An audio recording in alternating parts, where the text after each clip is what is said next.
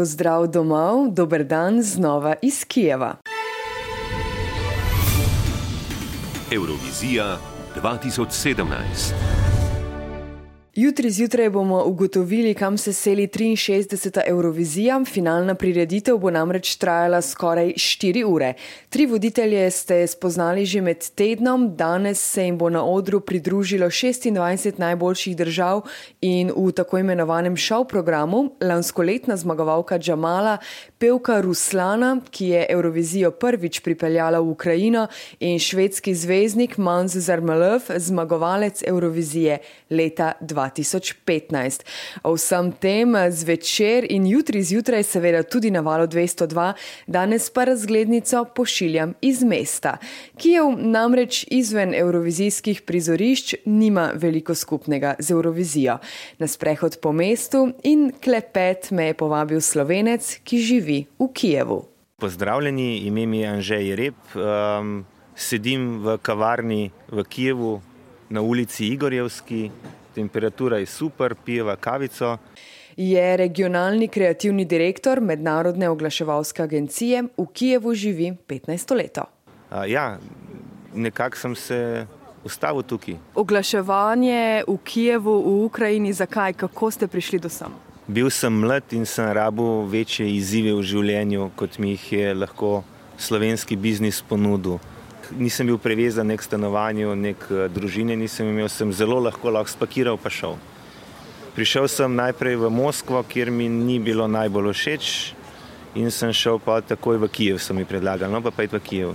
Sem prišel v Kijev in mi je bilo zelo všeč in sem celo po enem letu službe ustanovil svoje podjetje, čez sedem let je bilo sedem podjetij, sem ga prodal, eh, zdaj pa pač delam že spet za drugo mednarodno agencijo. Kijev je ogromno mesto, neuradno tukaj živi pet milijonov ljudi, pripoveduje Anže. Jaz v dobrih petih dneh nisem uspela spoznati niti polovico, kaj šele celega mesta, pa tudi sicer je posebno mesto. Danes so se mal peljala čez centralne dele Kijeva, pa so se vozila dve uri pa pol, naprimer. Ampak mesto, kozmopolitsko mesto, mednarodno, vse je tukaj, kjerkoli brend, kakršna koli hrana vse je, vse je tukaj. Ne glede na to, da je situacija v državi zdaj malo nestabilna in neprijetna, vsem tega ne čutimo, vse imamo. Je pa zelo zanimivo mesto, ker je vseeno Azija je veliko bliže, neka druga zgodovina je za njimi sploh, ko smo danes gledali Kijev, stare, stare hiše, stara arhitektura, je vse malo eksotike. In ta eksotika, vsakeč, ko mi je malo težko, se rečem, da sem samo turist, pa je že spet lažje. Malo pogledam eksotike in je lažje. Grem v ukrajinsko restauracijo, v gruzijsko restauracijo, v uzbekistansko restauracijo in sem turist in je že spet zanimivo. Tujci in novinari se že vse teden pogovarjamo, kako je vse poceni. Veleposlanica pa nas je seznanila s podatki, najnižja plača v Ukrajini je okrog 180 evrov, v Kijevu okrog 250 evrov. Na drugi strani pa na cesti ogromni in zelo dragi avtomobili, ki jih v drugih mestih ni toliko. Ja, najprej verjetno zaradi korupcije. Če gledamo sociološko, psihološko na ljudi, zakaj rabijo ta blišč. Zato, ker so še 20-25 let nazaj živeli v Sovjetski zvezi, ker ni bilo ničesar, ker je bilo vse enako in še tega enakega ni bilo. Na lado so čakali ljudje 20-30 let ali pa celo življenje in jo niso dubali. Potem pa se je pojavila svoboda in svobodo so se pojavljali interesi, želje, hočem, hočem, hočem, hočem, hočem. In če hočeš, pa moraš zaslužiti, če pa ne znaš zaslužiti, pa nekako drugače vzameš razmere so druge. Um, 25 krat večji trg, ne glede na to, da je veliko revnih ljudi, kapitala je vsem zelo veliko, svobodnega kapitala. Je pa seveda druga medalja, da kjer je veliko bogatih, zelo bogatih, je tudi še več zelo, zelo revnih.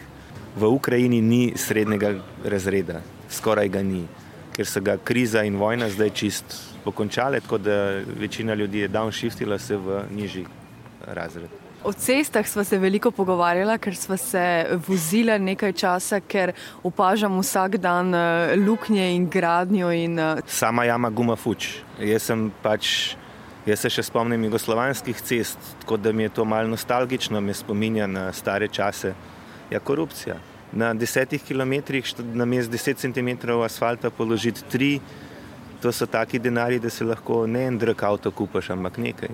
Ampak se vsem situacija se izboljšuje. Da, če gledamo iz leta v leto, je vse malo boljš, malo boljš, malo manj kradejo, malo manj kradejo. Tako to pač je. Še ena zanimivost: s cest zastoji v mestu nastajajo zaradi pomankanja parkirišč. Ljudje avtomobile parkirajo kar na cesti in na pločnikih, Ob vprašanju o kaznih policiji, redarjih, pajku se je Anže samo nasmehnil in zgodbo primerjal z mariborskimi radarji. Pravi, da so se ljudje uprli in se nihče ne vtika v to, da so avtomobili res parkirani povsod, za ston in dobesedno na cestah in na pločnikih. Že spet zaradi korupcije zemljo veliko dajo pod uh, gradnjo velikih spalnih domov ali pa trgovih centrov in ni, ni ravno nikomor v prid to, da bi parkirišče gradili. In se pravi, so zaprli mal eno oko in se da parkirati na pločnikah, na cestah. Glavno, da ne stojiš na sredi ceste, ker takrat ti lahko policija da kazen. In to je problem zaradi tega, ker mesto je ogromno, cest novih silno ne gradijo, parkirišč ni, se pravi, avtomobili se parkirajo po cestah, se pravi, še manj propustna sposobnost je še manjša in vse stoji. Sicer dvakrat, trikrat na dan, po noči pa v redu. Sicer pa je Kijev v redkih kotičkih brez avtomobilov res lepo mesto. Kijev ima ogromno zelo lepih parkov, že slišimo za stoje. um, in sploh Kijev je zelo simpatično mesto. V bistvu sobota, nedelja, ko ni te divjega parkiranja povsod, je ful simpatično mesto, sprehajati se. Uh, veliko je še delov mesta, kjer so ostale stare zgradbe, še iz 1800-1700 in je prijetno. Pogreša pa? Ja, živel sem vse življenje v Kranju in vid na gore je nekaj, kar mi res manjka. Da, ko se obrneš, pogledaš na hribe in nekako notranje, rataš bolje uh, umirjen. Zato si velikrat v Kijevu predstavljam, da ko gledam čez okno, da so oblaki gore, malo oči zaprem in so to te gore. Do Karpatov je pa že spet 700 km in Karpati niso Alpe.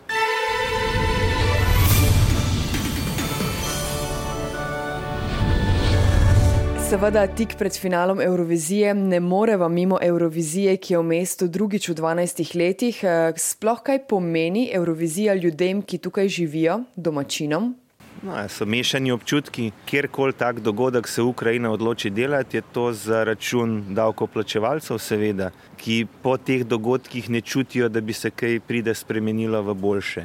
Z druge strani je cel, celo mesto je zaprto za promet, tako da 10 minut vožnje z avtom je zdaj ena ura pa pol. Tako da v Kijevu ljudje nimajo prav zelo radi, razen te, ki so lahko seveda zaslužili na tem dogodku.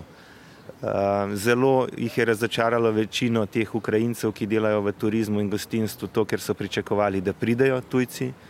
In v razen uh, uradnih delegacij, nihče sploh ni prišel gledati tega dogodka. Tako da se večina v bistvu dokaj negativno odziva. Ne glede na vse, na evrovizijskih prizoriščih bo danes veselo 26 delegacij in več kot tisoč novinarjev ugiba, kdo bo zmagovalec 62. Eurovizije. V dobrih dveh tednih je vsem nam pomagalo približno 900 prostovoljcev, približno 9000 domačinov pa si bo šel nocoj ogledalo v živo. Stanje na stavnicah se je prvič po nekaj tednih spremenilo, favorit je Portugalec Salvador Sobral. Zelo ne neevrovizijsko intimno in nežno skladbo v portugalščini. Italijan Francesco Gabani je padel na drugo mesto s precej bolj živahno skladbo, je tudi aktualni zmagovalec San Rema, zvezdnik in ne glede na uvrstitev bo njegova Occidentalis Karma poletni hit. Morda pa preseneti mlad Kristjan, 17-letnik iz Bolgarije, trenutno na tretjem mestu na stavnicah. Eurovizija 2017.